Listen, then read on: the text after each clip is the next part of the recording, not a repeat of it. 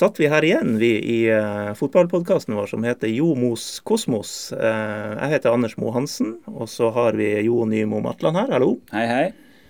Og vi har uh, i dag fått besøk av en, en, skal vi si, en gammel storhet i TIL-systemet, både, både, som spiller og i et utall andre roller. Tore Rismo, velkommen. Ja, hei, takk for det. vi bruker å begynne med å spørre litt om hva du gjør i dag, så vi, vi begynner med det. Ja, det, jeg jobber som lærer på fulltid på Tromsdalen videregående skole. Jobber på idrettslinja der. Eh, for øvrig så er jeg mye på jakt, jeg fisker mye, jeg er mye på tur. Eh, jobber litt sammen med en Fifa-lisensiert agent, agent som heter Kent Karlsen. Eh, hjelper han bitte litt med noen få prospekter her oppe, men det er stort sett det eneste jeg gjør i forhold til fotball nå. Og så er jeg en ivrig supporter av både breddefotballen og toppfotballen her i byen. Så det er vel status per nå. Ja. Ehm, for å ta en kort introduksjon. Alle de rollene du hadde til, det skal vi komme litt tilbake til. Men, eh, men som spiller da med på den store oppturen med, med cupfinale der du skåra til og med. og ehm, ja, Hvordan husker du den tida? Ja, altså jeg må bare skyte. Det var faktisk det eneste målet jeg skåret i den, den sesongen. Det, og det inkluderer til og med treningskampene. Så jeg, eh, det var en ganske god, eh, god, timing som har gitt meg mye, mye, mye kred i ettertid. Uh, nei, men det var en fantastisk tid. Jeg kom jo til TIL i 1983, på høsten. Spilte i Sørreisa til 82, så var jeg ett år i, i Mjølner i 83. Spilte der. Bodde i Tromsø, studerte, pendla. Jeg og Per Høgmo spilte um, sammen i Mjølner. Vi studerte sammen i uh, ikke samme studie, vi bodde så, eller var i, i Tromsø da. Hver fredag til lunsj satte vi oss i bilen, kjørte til Narvik, 27 mil. Så trente vi på fredag, lørdag og søndag, og så kjørte vi tilbake til Tromsø. Studerte noen dager, trente litt med, ja, litt med tur. Vi trente også med Kåfjord, som var god på det tidspunktet. Torstein Søreng var, var, trener. Når det ble fredag til lunsj, da, så heiv vi oss i bilen og så kjørte vi til Narvik på nytt igjen. Sånn holdt vi på, egentlig på hele, hele vinteren for å spille på Mjølner. Eh, det ble slitsomt. Så jeg holdt med ett år. Eh, fikk vi tilbud fra TIL etter 83, og bestemte oss egentlig for å gå uh, begge to til TIL fra med 84. Det var jo en litt sånn artig historie rundt den overgangen der, fordi at uh, mye krangling selvfølgelig på det tidspunktet mellom Mjølner og TIL, som var på samme nivå. Beintøffe forhandlinger mellom Knut Wilhelmsen, tror jeg det var, og, og Sverre Nilsen, som da var Sverre Boikott Nilsen, som han heter, fra han var oppmann i, i Mjølner. og han etter mye om og men så ble overgangsvilkårene eh, klar. Det var langt og henimot seriestart før klubbene ble enige. Eh, Høgmoen ble da prissatt til 20 000 kroner. Rismo ble satt til 5000 kroner. Begge var spilleklare, jeg tror alle var happy med det. Men da er vi i 84. Da var Torkild Brakstad trener i TIL. Eh, I sitt eh, tredje år. Uh, og da hadde TIL hatt eh, framgang de to årene før, 82-83. Og det fortsatte egentlig sammenhengende alle de årene jeg spilte, til og med 1990, hvor vi avslutta med, med sølv etter å ha leda serien uh, mer enn halvparten av Og da ga jeg meg som spiller. 1990. Mm. Ja. hvis målet i cupfinalen er et høydepunkt, så er det, er det lov å minnes en kamp du måtte spille midtstopper mot Kongsvinger, som eh, motsatsen, kanskje? Ja eh, Jeg skal være helt ærlig, så jeg har fortrengt litt den der. Hvem så vi spilte imot? Så du at jeg spilte stopper? Ja. altså det var jo ganske, Vi var egentlig potte tett i den perioden før. Så det var, jeg tror jeg Tor Pedersen måtte stå Enten man skada, eller så hadde han karantene. Og, eh, og, det var jo veldig greit. da. Tommy Svensson så jo at han hadde en uh, ruvende sentral midtbanespiller som også kunne spille stopper. Det var da meg, av en eller annen ubegripelig årsak. Så han Tore Nilsen og han Tore Rismoen skulle spille stoppere da. Uh, og jeg husker det første som skjer. Det er hjemme på Alfheim. Vi er store favoritter. Det kommer en høy ball opp. Spissen på Kongsvinger heter da Cato Holte, en liten målsnik, kjapp. Uh, og jeg roper. kommer en høy ball opp. Jeg roper 'Tore går'. Jeg mente jo da å signalisere at jeg sjøl skulle gå på den, eh, på den ballen. Tore Nilsen trodde at jeg ropte på han, så vi gikk begge i samme duell. Klinka hverandre ned, ballen gikk over. Cato Holte kunne egentlig bare spasere den ballen alene med Bjarte Frem og skåre mål. og da hørte jeg allerede den der småsnakkinga på tribunen om at eh, Tor Pedersen var ute og Tore Rismo var satt, eh, satt, bak i forsvaret. Og den ble ikke mindre utover i første omgang, hvor, vi, hvor det røk inn et par, par mål til. 0-3 til pause. Ja. Jeg ble ikke tatt av banen. Ja, ok. Nei, men jeg tror jeg ble satt opp på sentral midtbane i andre omgang. og vi tapte. Ja. Vi har, eh, vi har, mye på hjertet her når det gjelder TIL og, og gamle dager, og, og, også etter din spillekarriere. Men, eh, men, bare for å ta TIL i dag. Eh, vi, vi slo tidlig fast her i podkasten, du gjorde vel det, jo, at Tuil kom til å berge seg. Og det gikk jo som smurt. Og nå, nå kan vi vel si det også. TIL berger seg, kan vi ikke det? Jo da, det gjør det. Hva du sier Tore? Ja da, TIL kommer til å berge seg. Det er jeg eh, helt overbevist om. Selv om vi nå fikk en par eh, Kristiansund slo Molde, og at Ålesund slo eh, Rosenborg, så tror jeg på en det skal skje utrolig mye rart for at TIL ikke berger seg. Så jeg er helt enig. TIL kommer til å berge seg i år. Ja, ja Det holder jo med ett poeng på de to siste, og det skal jo gå. Ja, ja, og samtidig forutsetter det på en måte at, eh, at Sogndal og Ålesund tar altså Hvis TIL ja. mot formodning ikke tar poeng, så skal fortsatt de ta full pott. Så det, ja. det, kommer til å gå fint. Ja. Jeg tror vi kan være enige om det. Og det er vel uh, viktig? Det er viktig, og det er, altså det er jo helt herlig. Å ha toppfotball her i byen, ha tippeliga her i byen er, er, flott. Og at man har klart å snu det og, og, og til seg de poengene man, man trenger for begge plassene, det må jeg si. Jeg er i alle fall veldig happy med det. Og så er det litt artig å være å bare være supporter. Mm. Og kjenne på en måte de her oppturene og nedturene. Mm. Og, og, kunne gå der uten å ha hjertet i halsen og ha noen roller i noen sammenhenger. Jeg kjenner på det, syns jeg det er artig. Ja, og så liker jeg at det, det skjer med stil.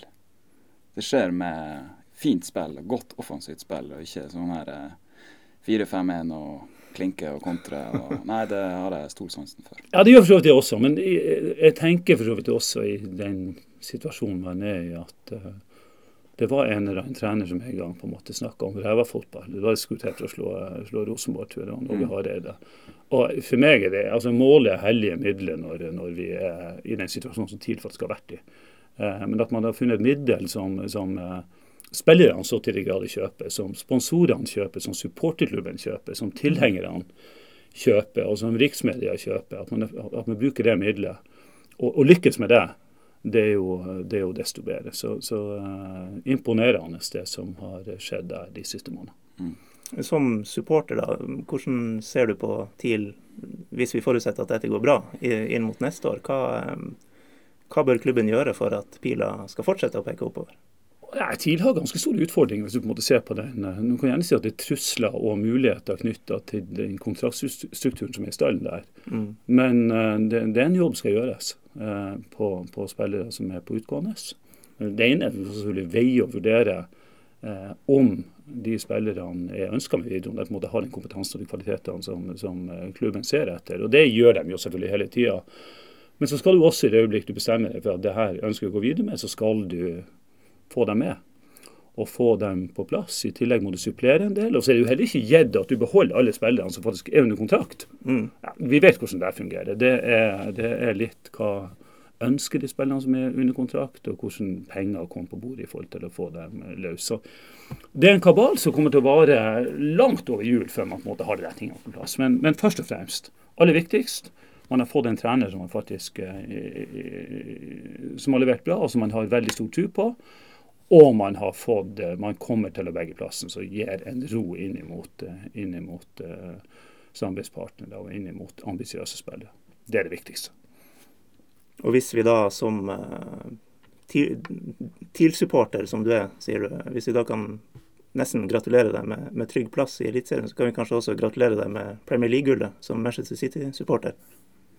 Der er jeg eh, Jeg tror vi skal vente til, eh, til eh, jul vi måtte ta det. Men jeg må si at jeg, det som skjer nå på Etihad og i Manchester med City det, det, det, Jeg har vært City-supporter lenge, siden 69, tror jeg. Og gudene skal vite at det har ikke bare vært år, det har vært tiår i skyggenes dal. Og at sola skinner litt på, på oss akkurat nå, det syns jeg er, det, det, er artig. Og jeg så på en måte hvem var det som hadde Kanskje var han Øyvind Alsaker i går. Som hadde, i bloggen sin på en måte beskrev på en måte sitt. Og analogen var en sånn her et, et, et lyseblått himmelorkester som spiller festmusikk. Altså Det var på en måte det som var Og eh, ja, jeg, akkurat nå er jeg fornøyd, men eh, vi har jo sett tidligere at eh, City åpna for rykende i fjor og hadde en bra luke og ble på en måte var ganske langt bak Chelsea når, når, sesongen skulle gjøres opp. Men jeg ser ikke for meg at årets utgave kommer til å parkere på den måten som vi gjorde i fjor. Det gjør vi ikke. Nei, det tror ikke jeg heller. Og det er jo styrka og betraktelig i, i alle ledd, så det ser jo veldig, veldig, veldig bra ut. Champions League òg. Tar eh, hele suppa? Nei, altså, jeg vet ikke om vi tar noe som helst. Vi har jo vært oppe der de siste årene. Vi har jo ikke vunnet så mye, det må jo sies. Verken cup eller, eller serie. Så vi får se. Men vi var jo i semifinalen her for var det i fjor. Mm. Champions League. Og det er jo muligheter, men det er klart du har, du har eh, Jeg er fortsatt litt sånn skeptisk til at det stoppeparet vårt faktisk holder mål mot de aller, aller, aller beste lagene i, i verden, selv om det akkurat nå ser vi slipper inn forbausende lite og har åpenbart bedre defensiv struktur nå enn vi har hatt, lenge. Men at Otamendi og Stones på en måte holder internasjonal toppklasse mot, mot offensivt gode lag, det tillater jeg meg å tvile på. Men jeg håper jeg tar feil, selvfølgelig. Og så håper jeg jo at, eh, at Company, King Vincent, at han kommer tilbake på banen og tar tak i taumene. For da, da, blir vi, eh, da blir vi hard. Du ser litt uh, med bekymring på hvis den PSG-rekka kommer og og skal møte Otamendi og Stones? Ja, det gjør jeg. Men de, de, de skal selvfølgelig møte Resten av Sané og Aguero. Og, jeg må til og med ta med at jeg syns Støling begynner å ligne en fotballspiller nå. Det, ja. det, det, det, er kred til, til Guardiola, Guardiola, som greit nok kan hente inn uh, gode spillere, men han henter ganske ungt nå. Og det er helt åpenbart at han jobber veldig godt med de spillene han har. Det er ikke bare å hente ferdige produkter og så plassere dem inn og regne med at det der ordner seg sjøl som kanskje forgjengeren i City gjorde. Men her er en som helt åpenbart jobber beinhardt hver eneste dag for å ta det beste ut av, ut av spillere som han har betalt en formue for. Det er ikke alle som gjør det, men det er åpenbart at han gjør det. Men det er ganske utrolig. Eh, Stirling koster 50 millioner pund. Ja, og han kan jo ikke skyte. Og han kan jo ikke slå pasninger. Nei, og han kan for så vidt han, Ikke kan han drible, og ikke kan han starte, men han, det ser ut som han begynner å lære det. Han har lært han litt å starte. Jeg syns han har lært han å starte. og Du ser jo hvor langt du kommer med det. Men jeg har jo en, en svigerfar som er City-fan og har vært det like lenge som det. Og han, han, kan ikke fordra han Stirling. Nei, men da er vi to. Det, jeg, jo, jeg, jobber på et kontor borte på Tromsdalen med, med masse idrettslærere, og det er jo det er jo Liverpool-fans hele gjengen. Jeg har tilbudt dem han gratis tilbake, hvor de skal betale halve lønna hans eh, sånn supporter, da, men eh, de tar ikke i på det. Det er, det er som ankel, ankeleddet, det er bare et sånt salatblad. Det er helt, helt vanvittig å se på. Men igjen, jeg måtte faktisk, vi satt og så på City nå eh, mot Arsenal, eh, jeg og Ola, i TV-stua vår, så jeg måtte faktisk innrømme da at, eh, at Stirling begynner å ligne på en eh, ganske OK fotballspiller. Mm. Neppe verdt 50 millioner pund, da, men han begynner å lyne på en fotballspiller, og det, det liker jeg. Men han Sané på andre sida? Han er god. Han er så god. Han er min favorittspiller på City. Alt ser så lett ut. Ja. ja nå er vel alle verdt 50 millioner pund eh, etter en sesong eller to etter, etter den overgangen, men uh, det var mye da. Ja, det var mye. Det var egentlig helt ubegripelig. Det var en overgang som var helt ubegripelig. Ja. Jeg forstår det ikke. Du verden himmel og jord! Det er 4-1 til Tromsø! Du har en, en bakgrunn fra Belgia. Eller, ja. dere, dere har begge det, men i litt ulik alder. Kan du fortelle litt om, om din bakgrunn fra Belgia, Tore? Ja, det kan jeg gjøre. Jeg, eh, min far jobba i uh, Luftforsvaret. Derfor bodde vi i Sørreisa. Jobba i Gompen da. og Han fikk da tilbud om å For Nato etablerte et sånn programmeringssenter. Nato Programming Center i den frans, franske delen av Belgia, i Glans. Og pappa fikk da tilbud om å jobbe der på et sånt engasjement på 70-tallet, i 74. Og da brøt hun opp fra Sørreisa og flytta over dit. Hele familien. Mamma og pappa og fire unger. Veldig artig. Jeg husker vi dro ned i begynnelsen av september. Eh, fløy til Oslo, militærfly med Hercules. Tok Kiel-ferga over til Kiel. Pappa var da, kom, han kom opp og henta, så kjørte vi gjennom Tyskland og ned til Belgia. Kom, kom fram sent på søndagskveld, ute i september. Mandagsmorgen stilte vi på skolen, alle ungene. Uh, kom og de l'État i, i Glonda, og uh, rett på skolen. Og jeg tror ikke at jeg kunne ett ord fransk, altså bokstavelig talt. Kunne ikke merci, kunne ikke bonjour, ikke oui, ikke no. Jeg skjønte ikke bare. Og det var ikke én lærer som gjorde antydning til å ville, ville snakke litt engelsk heller. Ikke merde heller. Ok, Jamais. Nei. Nei, så Det var litt sånn, litt sånn sjokk. Men eh, igjen, altså det med fotball, og, og, og, som har vært ganske sentral det å Første friminutt, første store fri. Og så ble det delt lag, og den nye gutten ble, måtte selvfølgelig være med på et lag. og Jeg skulle ikke si at det var så fantastisk god, men det her var jo en liten landsby. sånn gjennomsnitt, Stort, stort eh, sprang i feltet i forhold til eh, i forhold til fotballferdigheter i, i, skolegården der, og jeg var absolutt en av de beste der, uten at det fortalte så veldig mye.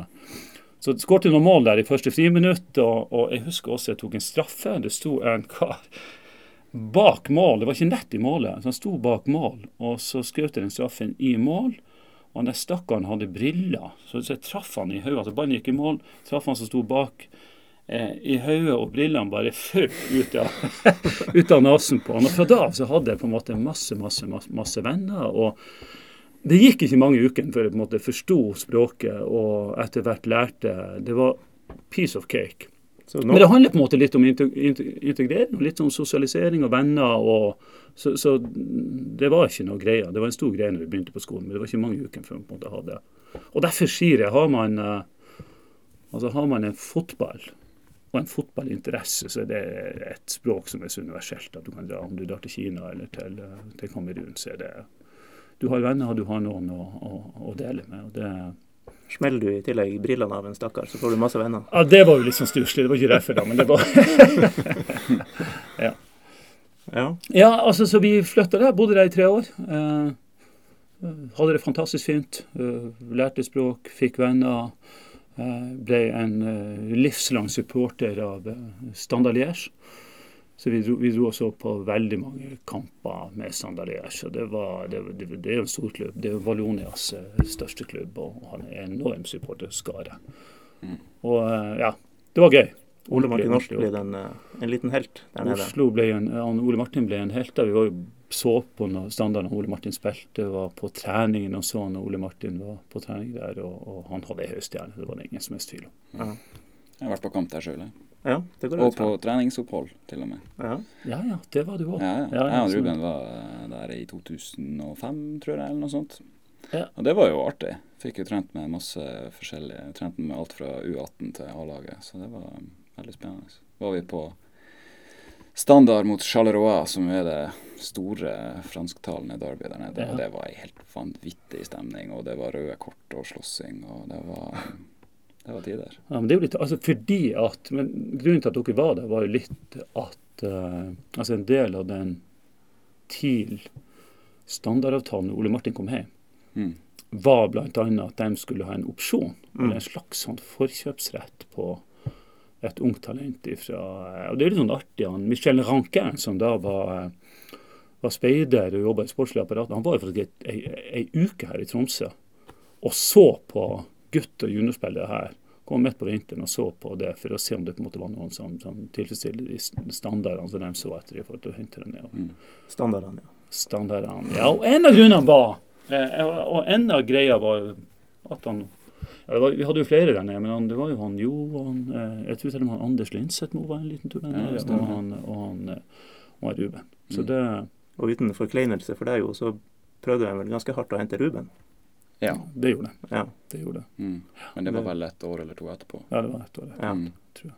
Mm. Da endte det med et nei sjøl, og det var de kanskje ikke helt uh, happy med. At uh, de følte de hadde på en måte en rett til å, å få hente noen. Ja, ja, men altså, i enhver situasjon så er det faktisk spilleren som bestemmer. Heldigvis er det sånn. Ja. Uh, man kan gjerne snakke om slavekontrakter, man kan snakke om menneskehandel og salg av Sånn fungerer det ikke. Det er til syvende og sist er det spilleren som bestemmer. Og sånn er det, og sånn må det være. og det ja. er jo det gir jo en viss trygghet, uh, tross, tross, alt. Og det var litt sånn artig, fordi vi, vi, jeg var jo litt inni det der. og, og Litt familieråd med han Truls og Toril. og Markus han Ulrik sa vel ikke så veldig mye da, men Ruben hadde jo var jo selvstendig allé på det tidspunktet. Og, og veide, veide plusser og minus og bestemte seg for å være i TIL. Og jeg tror på en måte det var et, et veldig klokt og godt og riktig valg på det tidspunktet. Men det som var artig med det standard, standardlaget på den tida, var at de, ble seriemester i Belgia med en, eh, en, eh, en midtbanefirer med en snittalder på 19,2 år. Mm. Og Der spilte Witzel, der spilte han Steven Defour, der spilte han uh, Fellaini. Mm.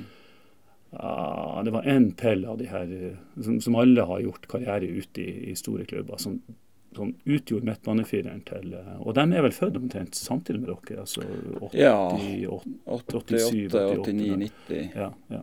Husker vi når vi var der, så spilte vi et par sånne reservelagskamper. Og da var jo han Fellaini med. Mm, mm. Han var jo elendig. Ja.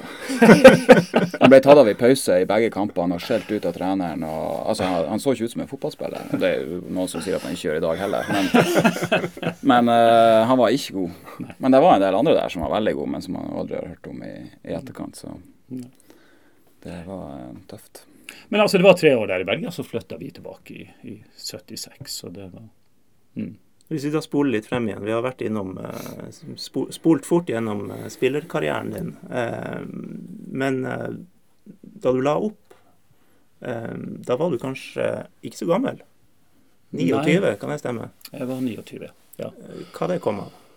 Eh, Jeg holdt på å si at jeg fikk et særdeles dårlig et, et tilbud som var så dårlig fra han Hans Tore Bjerkås og Gunnar Wilhelmsen at jeg rett og slett bare var ikke interessert i å snakke mer med det. Nei, det var ikke det, men det var litt spesielt. Jeg holdt på med hovedfagsstudier i ferskvannsbiologi. Vi hadde bygd hus, eller vi holdt på å bygge hus. Eh, kona var i full jobb i reiselivsbransjen. Vi hadde fått barn, eh, og vi var de sanne amatører i tid. I alle fall noen av oss. Det var noen som hadde bedre betalt enn andre. Jeg var ikke blant dem. Så det var liksom ikke noe å leve av. Så jeg, jeg, jeg kjente på at det der ble, det ble, ble for mye. Så jeg, eh, og så var det jo også det jo liksom da, jeg, Siste året der, i TIL 1990, da hadde jeg egentlig spilt fast alle årene 84, 85, 86, 87, 88, 89. 1990 så var det litt mer inn og ut av laget.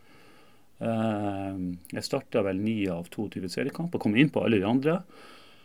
Men Osiri, kona, begynte å kalle meg for Tore Benk utover høsten der. Da da, da tok jeg skoene og plasserte dem på hylla, og der, der ble det. Så det var den egentlige årsaken. Det var at jeg ble mobba av kjerringa. til Tore Benk. Altså. Det er brutalt. Det er rått og brutalt. Eh, det var en totalvurdering av, av, eh, av eh, totalsituasjonen og hva som var Måtte prøve å få gjort ferdig de studiene og få bygd det huset og skaffa meg en jobb. En ordentlig jobb. En ordentlig jobb. Det, det Det Simo Vadakari snakker om også. Han sier jo at han har jo egentlig ikke ha- hatt en ordentlig jobb en dag i livet sitt. Nei. Vært fotballspiller og fotballtrener. Mm. Men Ja. eh, ja. Og så har du etter det hatt vi var inne på det, et utall roller i TIL. Jeg skal prøve, og jeg har notert meg det her, så skal jeg prøve å liste opp, så får du si ifra hvis det er noe feil her. Ja. Um, du har vært spiller, da. Eh, daglig leder. Ja. Sportssjef. Ja. Markedskonsulent. Ja. Webansvarlig. Ja. Og toppspillerutvikler. Juniortrener. Ja, det er vel der vi er i TIL, da. Så du er trener i Tuil og Fløya og rådgiver, agent eh, osv. Det høres ut som en bra oppsummering. Det er Ja. vel eh, Ja. Bare for ikke å slippe det helt. Webansvarlig. Eh, Når var det, og hvordan så, eh, hvordan så websida ut? Jeg tror faktisk vi ble kåra til eh, det, det, Og det jeg tuller ikke. Det var faktisk i skal vi se, han Trond og han Bård var trenere. i røkka ned i 2001, 2002. Ja. Ble vi faktisk kåra til Norges beste eh, webside. Ai, ai, ai. Eh, vi var et lite øyeblikk. Det skjedde jo veldig mye da. Så vi rasa jo fort ned på den, den rankingen der. Men det, det, akkurat da var jeg ganske farlig. Men det var litt sånn artig, for det var et guttegjeng eh, fra Lakselv, kompis av Lars Iverstein, som egentlig bygde opp den plattformen. Som var litt sånn ny, ny, uh, nyskapende.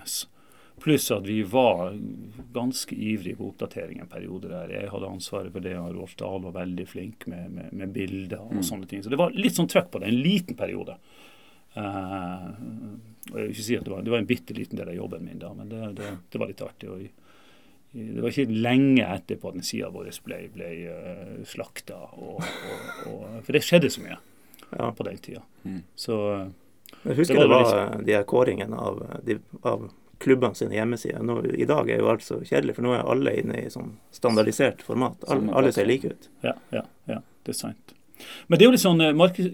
Når jeg spilte, så som sagt, vi hadde, hadde noe lønn, hadde litt kjøregodtgjørelse, litt bonuser. Eh, vi studerte. Jeg og Lars Espejord hadde på slutten av 80-tallet hadde vi jo ansvaret for tilhenger. Som var ganske sånn betydelig da. Det var en betydelig inntektskilde. Vi satte vel annonser for 200 000 i hver utgivelse og hadde tre utgivelser i året. Eh, 88, 89, 90. Eh, og Siden jeg nå er på Nordlyshuset, her, så kan jeg jo eh, fortelle en liten historie fra den tida. Fordi vi, vi var jo egentlig ganske Og sånn er det kanskje i dag òg, jeg vet ikke. Men det var jo bare eh, papirutgaver. Eh, journalistene var veldig ivrige på, på børsing, børssetting av oss. Eh, og det ble jo lest. altså Det var jo på en måte et, et, eh, virkelig et samtaletema. Både i garderoben og selvfølgelig rundt om i, i de tusen hjem og på arbeidsplassene og i lunsjmøter og sånne ting. Vi, vi syns egentlig det var ganske sånn håpløst å bli vurdert av noen hvis fotballkompetanse var begrensa, syns vi da. Eh, og, og vi tenkte vi skal vri på det. Vi bestemte oss for å lage en pressebørs hvor samtlige spillere i stallen fikk gi sin karakter og begrunne den til alle de lokale sportsjournalistene her i, eh, i Tromsø. Eh, og det falt enkelte veldig tungt for brystet. Jeg skal ikke si at snittet var så veldig høyt. Jeg tror seks var, var beste karakter, og, og én var laveste. Jeg husker min gode venn Skjalg Andreassen i krysspress, som da jobba som sportsjournalist i Nordlys her. Han eh, kom da ut med et snitt på 1,11. Og det syns han var så eh, han, han, han så humoristisk på det, så han, eh, han eh, tok kopi av den sida, ramma den inn og hengte den opp eh, rett framfor, eh, framfor arbeidsplassen sin. Eh, 1,11 vurdert av, av tilspillerne. Nå skal jo sant sies at Skjalg har jo et, et klokt hode og er skarp og fin og, og, og god penn. Så det er jo en, eh, en journalist som jeg eh, hadde dypest, dypeste respekt for i dag. Og jeg tror kanskje ikke jeg ga han én. Mulig at jeg strakk meg til en toer. kanskje, at- jeg likte han såpass godt, men, men snittet hans var 1,11. Og det var vel ingen som hadde noe særlig over, eh, over to i, i snitt på nedover. Men igjen, eh, jeg opplevde faktisk journalistene som en ganske sånn hårsår gruppe. Det var slett ikke alle som så humoristisk på det der. Overhodet okay. Ikke. Det var eh, Og konsekvensen var selvfølgelig at vi eh, Det hagla med, med toere og treere på meg og Espejorden resten av den sesongen. i alle fall. Ja, det er kanskje et grep som burde bli tatt opp igjen. Jeg Mulig jeg legger hodet på blokka her nå, men, men det skal jeg ta hvis, hvis det kommer. Ja, ja. ja. Det er bra, bra grep, altså. ja. Men eh, jeg må skyte inn, det hender at spillere eh, er litt hårsåre òg. Det, det har vært spillere i eh, Ja, vi, vi trenger ikke å nevne navn, men la oss si spisser på, eh, på i hvert fall et av de tre øverste nivåene i norsk fotball som eh, ganske jevnlig har ringt til journalister og klagd på børskarakter. Så det, det går litt begge veier. Ja, det ja, ja, ja. ja, det vil jeg tro. Det er klart. Ja. Eh, men alle disse rollene i TIL. Eh, sportssjef eh, var du en god stund. Eh, og vi hadde Gunnar Wilhelmsen som gjest her tidligere, som eh, erklærte seg som, som bad cop, mens du var good cop i alle forhandlinger. Eh, hvordan minnes du akkurat det der? Eh, Jo, det kan jeg jo egentlig bekrefte. Det var en litt sånn eh, Du kan gjerne si at jeg, jeg tror kanskje at den rollefordelinga gir seg sjøl.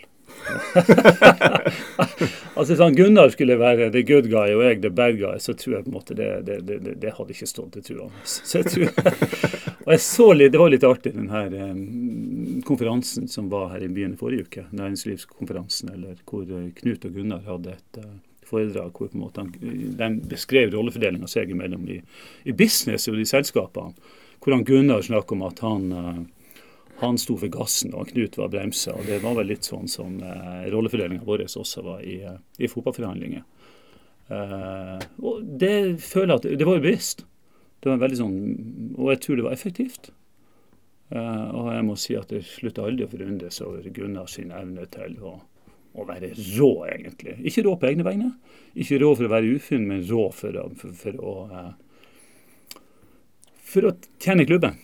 For å få den best Eh, mulige avtalen. Få en best mulig avtalen. Og det han har eh, i forhandlingssammenheng, syns jeg han har vært makeløst dyktig i en del sammenhenger. Rett og slett. Og nesten sånn, eh, ikke hatt Altså, jeg, Av og til har jeg fått bakoversveis. Altså, er det mulig? Eier du ikke magemål? Kan du, altså, Fins det ikke grenser for hva du kan få det til å si? Nei, det gjør ikke det. Det I sånne å, sammenhenger. lov å komme med eksempler. Nei, altså, men det, det I det, detaljer Men det, altså, det at eksempelvis eh, Sigurd-overgangen Mm. skulle ende med 7 250 000 når den klubben han, Sigurd og han Rune Hauge ønska at han skulle gå til. Viking. Eh, Viking var, eh, strakk seg etter diverse samtaler, så strakk de seg til 2,5 millioner. Og så ender det med at han faktisk får over 7 millioner hos Rosenborg. Det er bare én ting å si om det. Det er beundringsverdig. Og det var han Gunnar som fikk det. Jeg og resten av styret hadde gladelig vært fornøyd med 3,5-4 kanskje, men uh, han dobla det sånn håndfritt. Det der er jo, sånn her, det er jo et, noen som bare har det genet. Ja. Jeg fins ikke sånne der ting, men jeg har nå prata med mange som er sånn. Altså, De eier det skruppelløst. Ja, ja, ja. ja, ja. De Men- er villige til å strekke seg Ja. så ekstremt langt. Altså, men etterpå så er det ja, ja, ja. Det er som om ingenting har skjedd. Nei, og så er det veldig sånn, det er ikke egen vinning, det må poengteres akkurat i den sammenhengen. Mm. Det er på en måte med tanke på klubben. Det er veldig mange i byen der som tror at han Gunnar på en måte har, har tjent masse på TIL og gått i TIL. Det er bare tøv. Han har gjort han, og veldig mange av dem som bygde opp klubben i den perioden, har aldri tatt ut ei krone fra TIL. Ingenting. Og lagt ned hundre, for ikke å si tusenvis av timer, og jobba dugnad. Og fått pepper, og tatt støyten, og fått juling. Men, men krumme nakken og, og bryte på. Det er bare én ting å si, og det er respekt. Ja, han snakka jo da han var her om eh, at denne tanken med, med noen gode venner om å, å kunne kjøpe seg inn og legge noen millioner i klubben igjen, eh, ikke er helt sånn eh, av bordet, som det heter. Hva, hva du tenker om det? Eh, Jeg har egentlig ikke Det tror jeg faktisk er, mulig, men jeg, jeg, ser på en måte mange peker på banken og kraftforsyning og krem, at det ikke er naturlig at de skal Det er ikke en del av, del av kjernevirksomheten å, å eie en fotballklubb og, og, og styre med det. Og det er for så vidt riktig, men det, de, de har jo vært inne med Altså, de stiller midlene til rådighet. Det er andre som forvalter dem. Og de som har forvalta de pengene, det er faktisk ikke banken. Det er folk i administrasjonen i TIL, i styrene av TIL. Og så kan man diskutere om man forvalter dem bra eller mindre bra. Men, men eh, jeg er ualminnelig glad for at, vi, at klubben har hatt dem i ryggen gjennom alle de stormene som vi faktisk har vært igjennom her de siste 10-15 årene. Hvis ikke så tror jeg egentlig ikke det har vært noe Tromsø-idrettslag i det hele tatt. Eh, men over, over tid er det kanskje ikke sikkert at det er naturlig for dem. å- å, eh, jeg er kanskje litt mer usikker på det her med om banken ønsker å selge aksjene sine. Jeg, jeg, håper, jeg ser kanskje litt for meg at de ønsker å gi, kanskje gi klubben tilbake til medlemmer.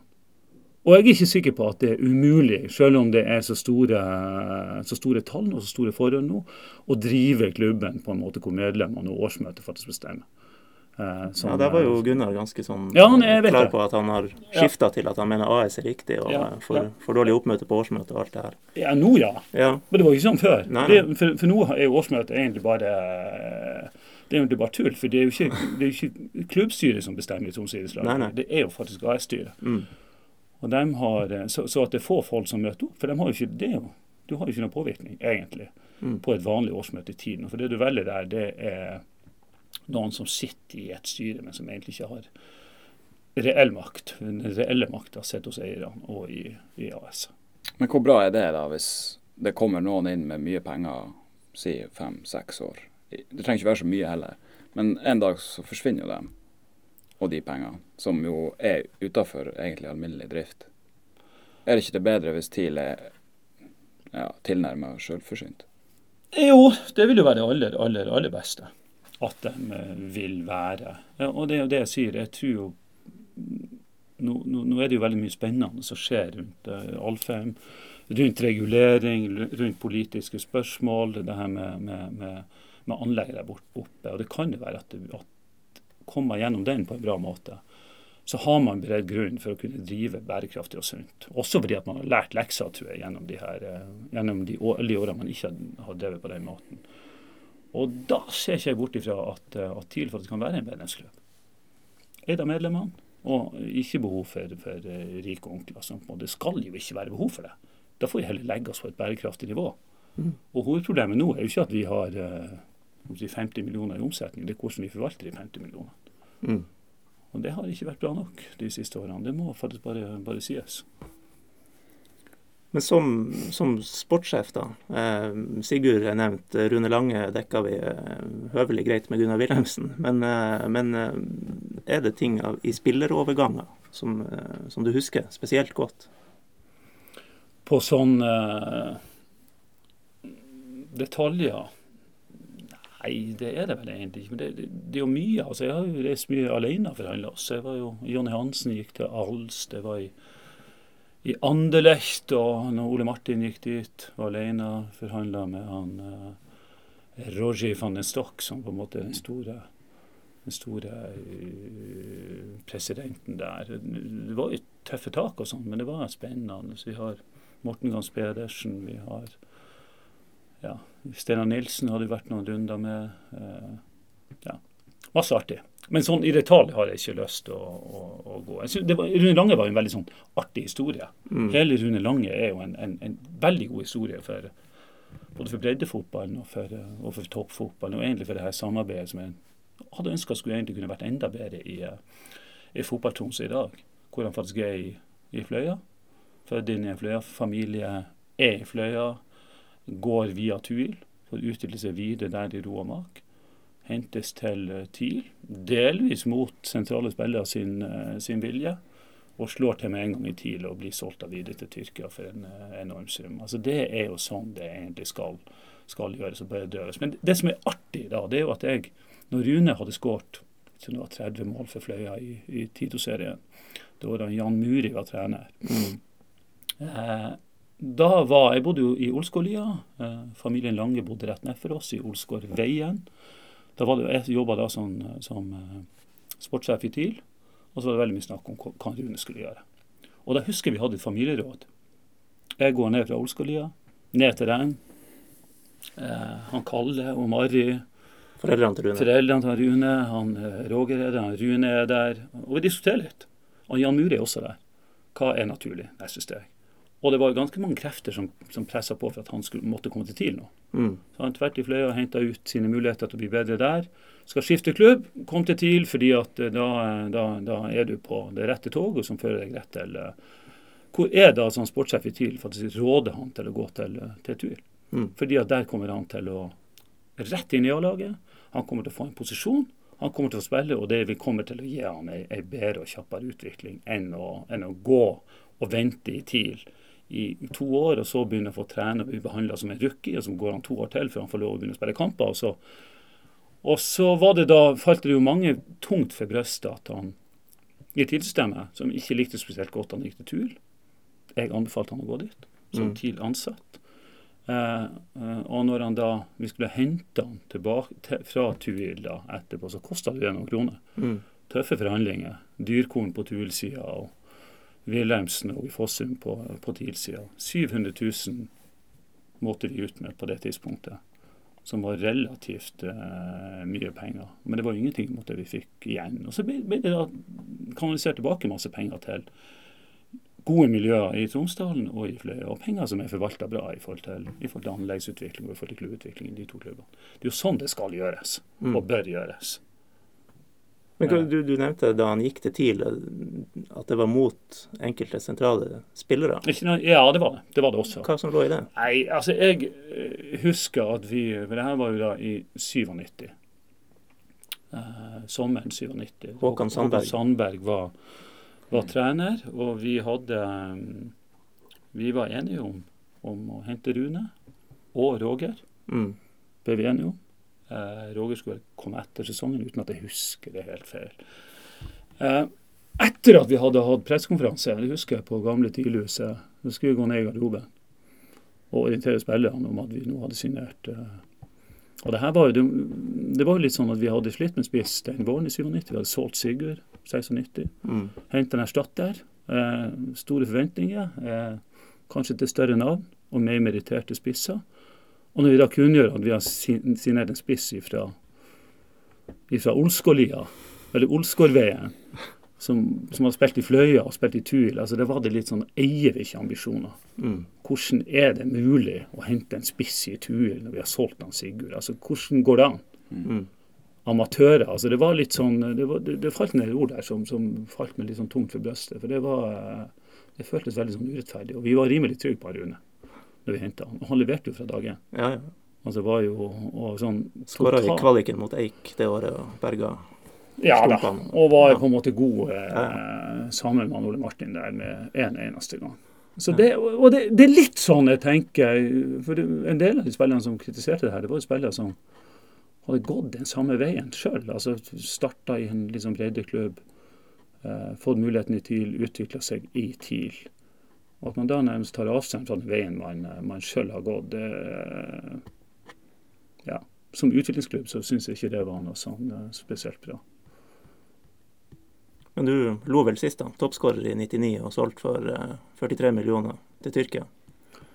Ja, det siste tallet var da Gunnar sitt. Ja. Hukommelsen er litt sånn selektivt, så jeg, jeg vil slå av noen få millioner. Men det, Ja, okay.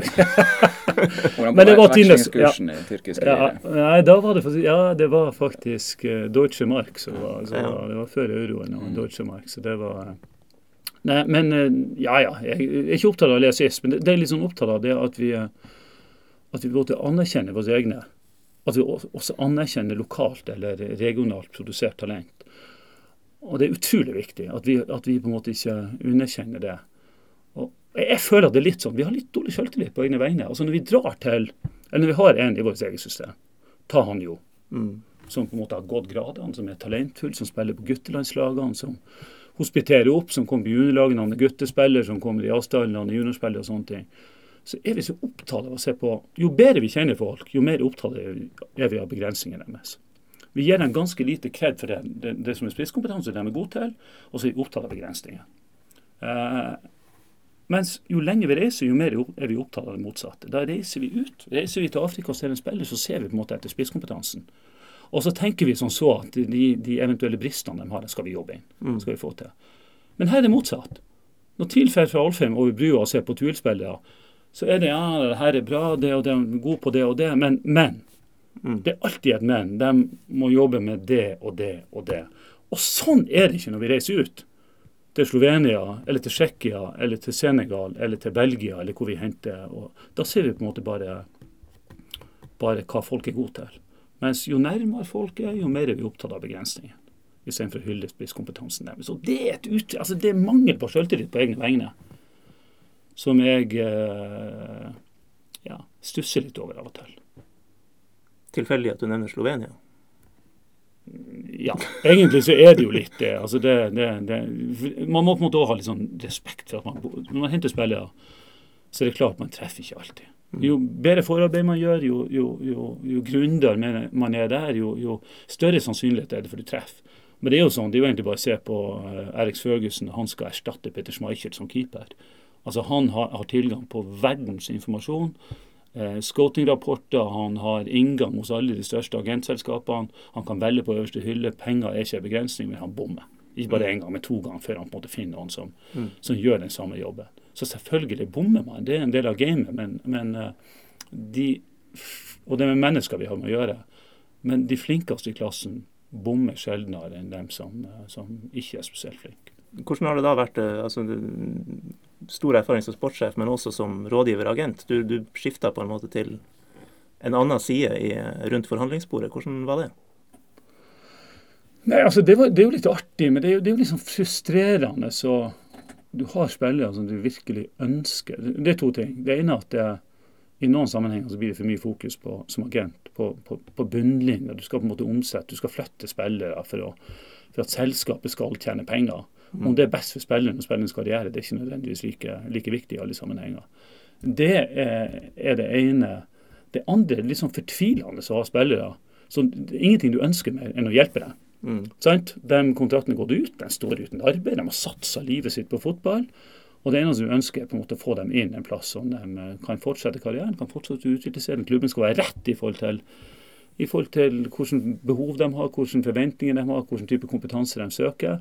Det skal også være rett i forhold til spilleren og spilleren sine, sine karriereveier. Og Da er det fortvilende å ikke kunne hjelpe.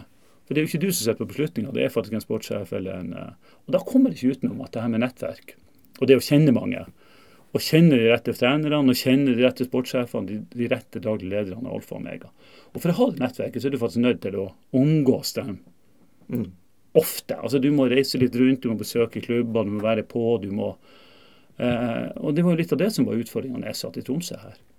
Det at det omgikkes dem veldig sjelden. Jeg snakka med dem litt på telefon og litt på mail, men jeg følte på en måte at det i for liten grad var, var hands on. Mm. Og i for liten grad var, var rundt der beslutninger ble fatta, og der, der ting skjedde. Og da kunne du enten på en måte trappe ned det, eller så måtte du på en måte trappe opp. Og resten mye mer. Og dra mye mer rundt og sånne ting. Og skal man få det der til, så må man være på hele tida. Mm. Det var ikke, jeg, jeg hadde ikke lyst til det. Derfor så, så trappa det ned veldig, veldig Men det er veldig sånn frustrerende å sitte med spillere som du har et brennende ønske om å hjelpe, og så får du det faktisk ikke til. Mm. Det er Og du får det ikke til for at du ikke har det nettverket som er nødvendig. For det er alfa og omega. Alfa og omega. Uten nettverk, du er sjanseløs. Mm. Hvis du det selvfølgelig sitter på en Martin Ødegaard, så er det noe annet. Men det, du gjør jo ikke det som regel. Det er jo helt vanlige spillere. Du, Vanlige spillere, sånn som meg. Ja, ja, men de fleste er jo det. Ja, De fleste er jo det. Ja, for det har vi ikke nevnt. Du har vært uh, agenten til Jo. Ja, det har jeg også. Jeg har Ja. både vært treneren hans, jeg har, han har vært med i et helt talentgruppe som jeg hadde, jeg har vært uh, Ja. agenten hans. Og, ja. Mm. Mm. Jeg husker når han Tore ble juniortrener. Gikk vel fra å være sportssjef til å trene juniorlaget. eller Ja, noe sånt. ja. Og vi visste jo, vi var jo Jeg var jo av en sånn gjeng som vi kalte oss jo bare for Rotten i Skarphallen, for vi var jo der like mye som Rotten som, som helt sikkert bor der. altså Vi begynte jo å time oss inn på når vi skulle være der, sånn i forhold til når juniorlaget trente.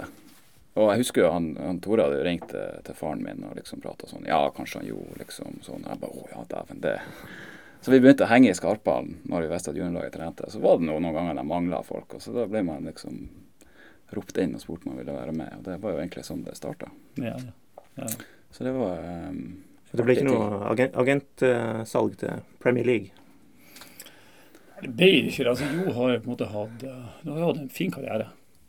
Altså bevare meg. Altså med TIL og Ivar Morten og Ivar Morten tok vel sjansen på å hva, Var det gammel da han Ivar Morten 18, ja.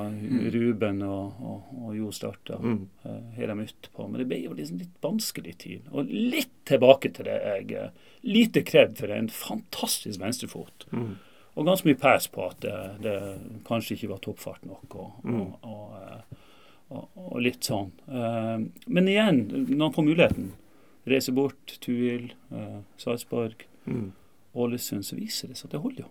Mm. Det holder massevis. Ja. Og holder det der, så hadde det også holdt her. Altså, Det mener jeg. Ja. Hvis du på en måte dyrker godføttene til, til folk, Ja. så er det eh, men, men sånn er det jo. Og sånn har det måtte vært. Du har vært ute i Belgia nå og er tilbake i Tuil som, som eh, et særdeles produktivt og, og godt miljø. Syns du var litt kamprusten når du kom tilbake igjen, men det har blitt bedre og bedre. Begynte å komme seg nå i siste Ja, ja, ja, kampen, så god timing at sesongen er Ja, ferdig. så det, det Ja, vi får, eh, vi får eh, håpe at du blir der en stund og er med på å løfte det laget opp. og opp imot kvalik til neste år, og, og da kan det bli ordentlig spennende. Ja, det er ikke så mye som skal til, tror jeg. Nei, tror ikke jeg- Litt, litt bedre ramme og litt eh, enklere kår for å trene litt mer, så, Mm. så er det veldig gode forutsetninger, tror jeg. Men eh, tida løper litt fra oss her, men før vi, vi gyver løs på et par spørsmål til slutt. Eh, det siste du gjorde sånn fotballmessig ved siden av rådgiverhjelp, det, det var vel å være trener i Fløya. Ja. Eh, er det mer å vente fra trener eh, Rismo, eller eh, er det sønnen din som skal komme opp nå? ja, jeg skal i alle fall ikke stå i veien for han Ola. Det, det. Nei, jeg tror ikke jeg har hatt mitt siste trenerengasjement. Det tror jeg ikke. Vi får på en måte se hva det, hva det blir. Jeg, eh, jeg syns det er spennende. altså. Jeg syns det er artig. Og jeg syns jeg får det bra til, sånn i all beskjedenhet. Eh, Det gikk bra i Fløya? Ja, det har stort sett gått bra overalt. Både Ja. Tuil og i TIL som, som spillerutvikler og som, som uh, juniortrener. Men, men det har vært veldig artig å jobbe i Fløya. Flott gjeng. altså Kortreist kompetanse, veldig flott gjeng. eh, og det handler jo litt om å, å se mer enn bare spilleren, å se hele mennesket. og se, Artig å se folk utvikle seg. Og det er artig å få ting til eh, ting i lag. Og det er, og det er artig å se at vi eh, at man faktisk kan utgjøre en forskjell. Er han, er han en bra trener? Nå, nå får du lov å snakke Ja, fritt. Det er jo noe, de, noen av de årene hvor jeg hadde han som trener, hvor jeg lærte aller mest. Jeg gikk jo fra å være litt sånn råtalent til å på en måte bli litt mer sofistikert, kanskje, når jeg fikk litt uh, ordentlige trenere. Så um, jeg var en god trener. Og vi gjorde det jo veldig godt når du var undertrener òg. Ja, ja. ja. Det, det, er jo også litt hvordan Jo lager det før jeg overtok, og hvordan ble det etter hvert. Og det, der kommer det, kommer det ganske bra ut, syns jeg. Vi hadde et godt lag. Artig. Det var, mm. Eh, ja. Det var mye gode spillere. Ja, det var. Mange gode spillere som hadde de vært 18 år i dag, så tror jeg det hadde vært litt uh, Hadde veien vært kortere inn? Det tror jeg ganske sikkert. Ja, det tror jeg, det tror jeg også. Jeg skrek, jeg. jeg alle, de andre de sang, og jeg gråt. Vi skal ta noen spørsmål eh, på tampen som har kommet inn. Eh, og ja, litt, litt eh, samme tematikk i et par av dem, da. Eh, Andreas Seipajärvi han eh, bruker av og til å sende inn til oss. Eh, ja. Han lurer på hvordan kan en ellers oppegående mann fra Sørreisa klare å plukke Manchester City som lag i England? det tror jeg var veldig tilfeldig. Jeg tror egentlig det var en, uh, en TV-kamp. Altså en tippekamp hvor mm. City spilte, og hvor City vant. Og Det var det ene, og det andre var at det var en slags sånn motreaksjon. Fordi at absolutt alle som hadde et, et, et fotballgen i bygda, uh, holdt med Leeds på det tidspunktet. Og som den outsider jeg er, så vil jeg ta avstand fra det der. Så jeg, jeg valgte den smale sti, og jeg valgte, jeg valgte City. Og det er et valg jeg alltid har vært veldig fornøyd med. Til og med når vi var på nivå tre og, og, eh, og, holdt på å ikke klare å spilles opp igjen på første forsøk. Kunne vært verre. Du kunne valgt et annet lag i, i lyseblått, uh, Coventry f.eks., som uh, jeg tror det er over 30 år siden de ble topp seks i noen som helst divisjon. Det er, det er ganske tungt. Ja, det er ganske, men det er jo litt artig. Er det ikke en på Finnsnes som har kjøpt uh, Jo, det er han Herleif Hansen. Herleif Hansen har kjøpt 30 meter av uh, Coventry på, på den sida der. Og vi hadde jo en litt sånn artig runde med Arjun Range og Coventry i sin tid når jeg jobba i TIL. Ja. ja med Gunnar Martin Kjenner og avdøde Terje Simonsen som, som og Vicenzo Morabito som på en måte skulle hjelpe han dit bort. Men det hva stranda det på? For der var Wilhelmsen litt uklar her. Jeg har ikke peiling hva det stranda på. Jeg tror kanskje det var noe ja. Jeg tipper det var noe surr med han eh, manageren der som skulle ha, ha, ha, betaling for å kjøpe han eh, kjøpe en Rune. Okay. Morabito var jo kjent for å, for å holde på å styre litt med den type ting. Så det, jeg tipper det var det, uten at Jeg har ikke peiling. Det kom aldri til noe konkret. Vi fikk aldri noe reelt, reelt bud direkte fra klubb. Og fikk aldri noe direkte kontakt med, med beslutningstakerne i Coventry heller. Spørsmål to har du på en måte svart på. da. Eh, det er Hans Martin Waeng som har sendt inn et spørsmål. Eh, som lurer på om du og Stein, som det er Stein Johansen, mm. Eh, ble mobba på ungdomsskolen i Sørreisa fordi dere holdt med Manchester City og Manchester United, mens resten av guttene i klassen holdt med Leeds. Nei, altså, nei, ikke på ungdomsskolen. Jeg bodde jo egentlig i Sørreisa bare i uh, eh, 9. klassen, altså siste året på ungdomsskolen. Jeg bodde i Belgia det året mm. før. Men, men uh, på barneskolen var det heftig. Altså det, når, når, det var I 4.-5. klassen der var det meget, meget heftig. Det var, jo, det var jo nesten juling. Altså det, var, det var helt ville tilstander. Med Leeds-fansen som dominerte på en måte absolutt alt. og det, det var... For da var Leeds god? Leeds var kjempegod. Jeg husker bl.a. Jeg tipper at det var i 73. Eh, da hadde min store dag da jeg spilte cupfinale mot var det mot Sunderland. Litt usikker, ikke stole på hukommelsen 100 men jeg tapte 1-0. Leeds tapte 1-0. De var tidenes favoritter. Tapte mot Sunderland i, i, i og den mandagen der, min, Det er en av de absolutt beste mandagene jeg hadde i hele mitt liv. Men det var massivt. altså det mener jeg. Det var, og det var for at de, noen av de store, sterke, flinke guttene på en måte hadde bestemt at Leeds var klubben. og da, da, da, da, måtte man altså ikke eh, prøve å holde med noen andre. Det høres jo nesten ut som eh, United eller Liverpool-fans i dag. De er jo mer glad når det andre laget taper, enn når de sjøl vinner. ja. I disse tider, da, når City er der de er og Leeds er der de er, går det noen meldinger? Nei, det gjør egentlig ikke det. det men, men det, sant skal jo sies at uh, en del av de Jeg tror ikke de har bytta klubb så mange av de her som, eh, som holdt med Leeds, Super-Leeds. Don Revis sitt Leeds. at det mm. var De holder med disse ennå, men det er vel mulig at noen av dem går med, med flagget litt lavere, eh, lavere akkurat nå. Eh, Jeg skal ta med et spørsmål også fra, fra min kollega Are Medby, som har sendt inn et. Hvem er den beste spilleren du ikke lyktes i å få til TIL? Og enda bedre, skriver han, hvilken handel angrer du mest på? Oi, oi, oi. Det var, det, det var litt sånn vanskelig. Det skulle jeg ha fått forberedt meg litt på. Det, det Eh, Du var vel i systemet da, da Solskjær var og trente med tidligere ja, det kan, vi, det, ja, ja, det kan vi godt gjøre. Det var i, i høyeste grad i systemet. Det var i Ja. 1994. Mm. Det er jo en meget god eh, Men den angrer jeg ikke på et sekund. Fordi Da- dere henta Tor André Flo? Ja, altså Det var jo litt sånn, Vi skulle ha dobbel dekning. Han Harald Aabrekk var trener. Og jobba sammen med Johansen på U21-landslaget. Hadde veldig god koll på de her Tor André, eh, Ole Gunnar, det kullet der.